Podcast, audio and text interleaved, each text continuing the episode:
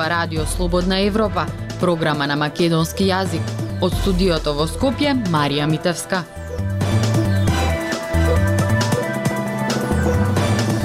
Почитувани гостин во неделното интервју на Радио Слободна Европа е евроамбасадорот Девид Гир. Со него разговараме за процесот на преговори, за евентуалното одржување на референдум, уставните измени, скринингот и спроведувањето на реформите. Амбасадор Егир, преговорите со Европската Унија се условени со внесување на бугарите во македонскиот устав. Доколку не бидат донесени уставните измени, дали тоа значи дека процесот на преговори ќе биде блокиран? Начинот на кој што договорот е направен, преговорите се отворени. Скринингот започна и имавме нешто што е наречено меѓувладина конференција со која започна целиот процес. Кога скринингот ќе биде завршен во оваа фаза да одите на наредната точка, е потребно да има друга меѓувладина конференција. Одржувањето на таа меѓувладина конференција зависи од овој билатерален договор меѓу двете засегнати земји. Секако тоа е суверена одлука за Северна Македонија да го смени уставот, иако веќе имате добар учинок во меѓуетничките односи и ова понатаму само ќе го дефинира тоа. Но што ќе се случи ако не оди напред? Мислам дека најверојатното сценарио ќе биде преговарачкиот процес да запре таму. Ќе го завршите скринингот на одржувањето на меѓувладината конференција и следните чекори ќе го чекаат решавањето на ова прашање. Не бидејќи трета земја дошла и ставила вето, туку бидејќи оваа земја решила да се повлече од врската која е направена билатерално со Бугарија. За да се донесат уставните измени потребно е двотретинско мнозинство во собранието. Лидерот на ВМРО ДПМН Христијан Мицковски најави спроведување на референдум за преговарачката рамка со Бугарија. Каков е вашиот став за евентуално одржување на референдум? Најпрвен за прашањето за одржување на евентуален референдум, јас повторно ќе кажам дека ова е суверена одлука за оваа земја да ја направи, затоа нема конкретно да коментирам за тоа. Но повторно може би може да се вратиме наназад и да ја видиме големата слика овде. Стратешкиот избор кој оваа земја го направи бројни години наназад е да влезе во Европската Унија и процесот сега започна. Зошто е важен? Има бројни јасни причини зошто оваа земја ќе има корист од членството во ЕУ и Европската Унија ќе има корист да ве има како дел од семејството. На економска страна, Унијата е најголемиот единствен пазар во светот и исто така ваш сосед. Ова нуди огромни можности за бизнис, за трговија, за инвестиции, за подобрување на животниот стандард и средствата за живот, за осигурување дека младите луѓе ќе ги развијат необходните вештини да се надпреваруваат на пазарот на трудот во овој поголем единствен пазар. Но не е само тоа, има и други многу јасни бенефиции од членството во Европската Унија. Пред некој ден а, имавте средба со Мисковски. Дали на средбата стана збор за уставните измени и за референдумот?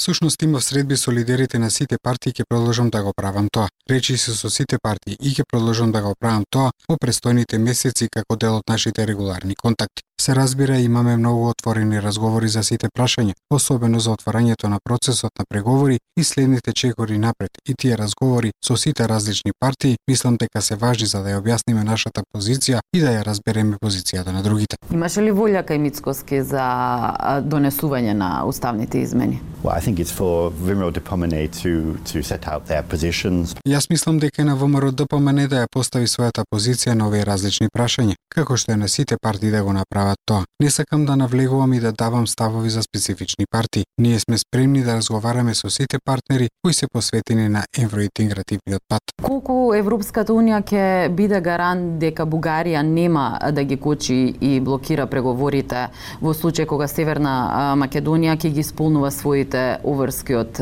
билатералниот протокол. During the consultations and the public debate. Uh, за време на консултациите и јавната дебата во однос на отварање на преговорите за членство и овој договор имаше многу емоции, многу загрижености за националниот идентитет. Луѓето велеа дека националниот идентитет ќе биде ставен под сомниш. Дали ова ќе биде како што некои рекоа бугаризација на земјата преку процесот на членство. Повторно ние исто така ги слушнавме лидерите на Европскиот совет, председателот на Европскиот совет, председателот на Европската комисија. Двајцата кучни играши во процесот за членство членство. Тие подлекоа дека процесот за членство ќе се врши врз основа на европските стандарди и европски принципи и тие отидоа подалеку да кажат дека овие прашања како идентитетските прашања не може да бидат услови или одредници во самиот процес за членство. Председателката фон дер Лайн пред парламентот за време на дебатата таму исто така додаде дека интерпретацијата на историјата на пример е пример на нешта кои не треба да бидат вклучени и не е дека билатералните прашања во преговорите за членство не биле покренати никогаш порано, биле покренати во други процеси. Словенија, Хрватска, други земји исто така. Има интерес во Европската унија меѓу земјите членки во институциите процесот да се гледа низ фокусот на прашањата на кои треба да се фокусира како реформи кои треба да бидат спроведени. Така што мислам дека има многу јасни индиции од Европската унија и од земјите членки дека сакаат овој процес да ги следи европските стандарди и европските принципи. Ние ги разбираме идентитетските прашања. Сушност минатата недела, кога бев на меѓувладината конференција, високиот представник и заменик на Европската комисија Борел конкретно кажа дека ги разбираме идентитетските прашања, но не го губите идентитетот за време на процесот. Ниту една земја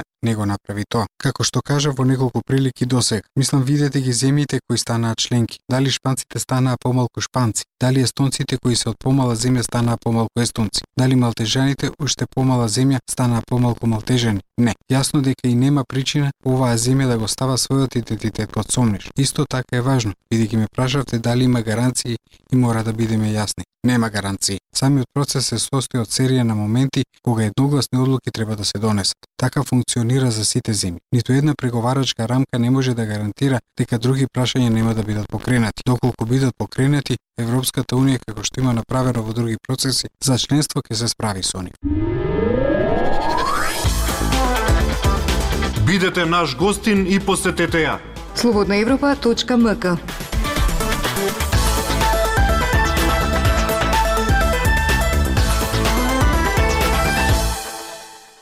Шефот на руската дипломатија Сергеј Лавров изјави дека има впечатлива разлика помеѓу она што македонците и црногорците го чувствуваат за Русија и она што нивните политичари го прават под принуда од Брисел, Европската унија и НАТО. Колку незадоволството кај граѓаните од условувањата на Северна Македонија според вас предизвикува проруско или антизападно расположение?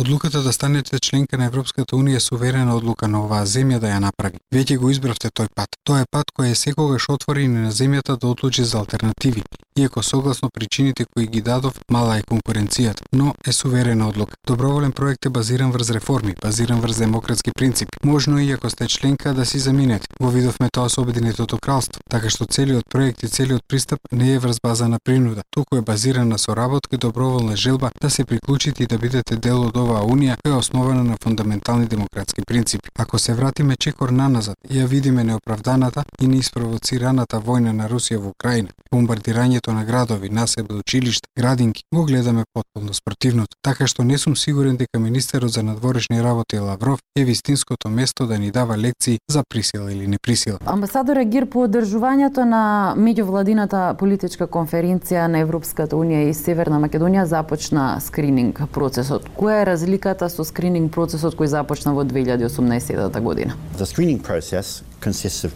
two stages. Скрининг процесот се состои од две фази. Најпрвин објаснувачкиот скрининг, како што го нарекуваме, кој е процес кога Европската комисија го објаснува поширокиот процес. Што може да очекувате, временска рапка, како да му пристапите. И тоа веќе всушност има добар напредок, бидејќи со право кажувате дека голем дел од подготвителната работа се направи пред отворање на преговорите. Разликата сега е дека преговорите се отворени и фазите се објаснувачкиот скрининг и втората фаза билатералниот скрининг. Што е билатералниот скрининг? Ова е кога одиме во многу детали и ја гледаме ситуацијата во различни сектори. Започнуваме со така наречените фундаментални права, кои меѓу другото го вклучуваат владењето на правото. Значи гледаме во деталите и каде се празнините и слабостите и ги поправаме оние одредници кои треба да се пресретнат, со цел да се осигураме дека земјата остварува напредок на вистински начин во овие реформи. Не само да се усогласи законодавството, туку да се осигураме дека законите се имплементирани на крајот и се на сила. Кога и на кој јазик ќе биде биде подпишан договорот за соработка со Frontex? Frontex is an important uh, agreement. Frontex е значаен договор, затоа што помага да се осигура менаџирањето со границите тука според европските стандарди. Затоа е во интерес на безбедноста за сите нас. Европската комисија многу активно го зема предвид и се надеваме дека тоа ќе биде завршено многу наскоро. Не можам да ви дадам конкретен датум, бидејќи се уште трае расправата за тоа, но многу се активни. На кои јазици? Па штом се постигне согласност ќе биде објавен на 24 официјални јазици на Европската унија и на македонски јазик. На вистина тоа веќе го речи преседателката фон дер Лајен. Дајте ни 15 минути и ние ќе ви го дадеме светот. Слободна Европа.мк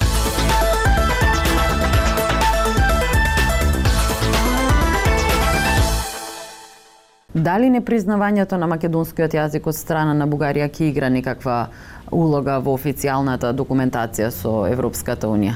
So, what's important is that you had a negotiating framework. Она што е важно е што имате преговарачка рамка во која македонскиот јазик е вклучен како таков, без појаснувања и без фусноти. Тоа е база по која ние ќе се движиме во иднина во однос на македонскиот јазик. Да се вратиме на таа соба во Брисел, ако бевте таму ќе видевте на кабините велеше македонски јазик на англиски. Значи веќе се користи. Унилатералните изјави за кои многу луѓе шпекулираа се многу вообичаен начин во унијата на кој засегнатите земји им даваат контекст на одлуките. Она што е важно во основа е што се движиме напред. Македонскиот јазик е тука и тоа е она што Европската унија го посочува без квалификации. Вице-премиерот за европски прашања Бојан Маричич изјави дека 45% од законодавството е усогласено со Европската унија. Се согласувате ли со овие тврдења? Certainly it's true that this country has made steady progress. Секако дека е точно дека оваа земја постигна стабилен напредок во усогласувањето на националното законодавство со европското. И на вистина кога председателката фон дер Лајен дојде во Скопје, таа кажа дека оваа земја може да биде првенец во процесот на пристапување во унијата, бидејќи е јасно дека во некои области земјата е понапред, дури и од некои други земји кои се веќе во процесот, а има и други кои се назад. Значи усогласувањето со ЕУ, нормите и стандардите, тоа е важно, но работата во процесот на пристапување и во скринингот не е само бирократска задача. Вие можете да бидете 100% усогласени со европското законодавство, но кога што веќе сите во земјата и другите земји знаат, ако не го имплементирате, ако не го спроведете, тогаш нема смисла. Значи усогласувањето е многу важно, но исто така разговорите кои ќе ги имплементирате и како ќе ги спроведете. А дали тоа значи дека може да се забрза процесот на на преговори? The question of how long will it take until you join Прашањето колку време ќе биде потребно за да станете членка на Европската Унија е поврзано со прашањето колку брзо ќе ги спроведувате потребните реформи. Кога ќе станете членка на Европската Унија од аспект на ЕУ, ќе може да се однесувате како одговорна членка, способна да ги имплементира сите правила и закони и да се надпреварува подеднакво со другите. И гледано од ваша перспектива, тоа ќе значи дека сте доволно силни да се надпреварувате со оваа помогна организација и еден моќен пазар. Има области каде што сте понапредни, но има и такви во кои има уште работа која треба да ја завршите. Како што знаете, ние еднаш годишно го објавуваме извештајот за напредок на вашата земја во делот на ЕУ реформите и генерално има стабилен напредок, но и уште работа која треба да се заврши. Кога сме кај реформите, нивното спроведување е клучно во процесот на преговори со Европската Унија, а особено борбата против корупцијата и владење на правото. Колку на вистина правдата е задоволена кога е, лица кои се осудени е, и се од интерес на јавноста како поранишниот шеф на УБК Сашо Мијалков и бизнисменот Орце Камчев а, со промена на адреса бираат каде ќе одслужуваат затворска казна. this uh, area, reform of the rule of law, justice, Ова област на реформи на владењето на правото и правдата, исто така и борбата против корупцијата се добар пример за тоа што зборуваме. Имаше напредок, не треба да го негираме тоа. Може да да се видат области каде нештата се подобрени, но се уште има многу да се направи. Ако разговарате со било кој, со некој возач на такси, било кој обичен граѓанин, ќе ви дадат примери за корупција или ќе ви дадат примери кога правосудниот систем се уште не испорачува. Така што уште многу треба да се направи. Ние од страна на ЕУ треба да помагаме, но сега имаме одлична можност со отворање на преговорите и во ваши раце е на крајот колку брзо ќе се движите напред. И тоа е прашањето за реформите кои ги спроведуваат. Не само реформите за кои зборуваме и потоа луѓето тоа не го чувствуваат на улиците, но реформите кои на вистина значат промена и луѓето можат да кажат ние започнуваме да гледаме дека нештата се движат. Потребно е долго време, но е дел од трансформацијата на земјата. Го слушавте неделното интервју на Радио Слободна Европа. Од студиото во Скопје со вас беа Марија Митевска и Дејан Балаловски.